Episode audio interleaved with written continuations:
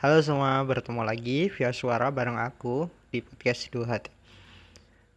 Oke teman-teman, kali ini kita nggak bakalan bahas soal cinta-cintaan. Ini ada titipan pesan dari teman kita, sebuah kisah horor.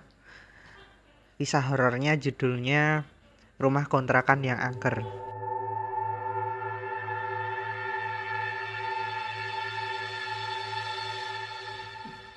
Dulu waktu saya berkeluarga nih, saya sekeluarga masih ngontrak, dapat kontrakan yang murah banget.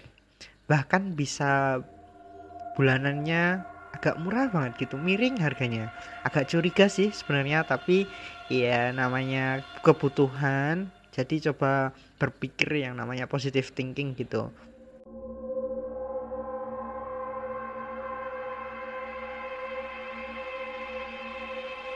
Sebulan pertama aman-aman aja sih. Tapi setelah masuk bulan kedua baru kerasa angkernya. Mulai ada gangguan-gangguan mulai ada gangguan-gangguan tuh. Habis maghrib tuh sering banget ada suara ketok-ketok pintu, bahkan sampai gedor-gedor. Istri saya sampai stres ketakutan.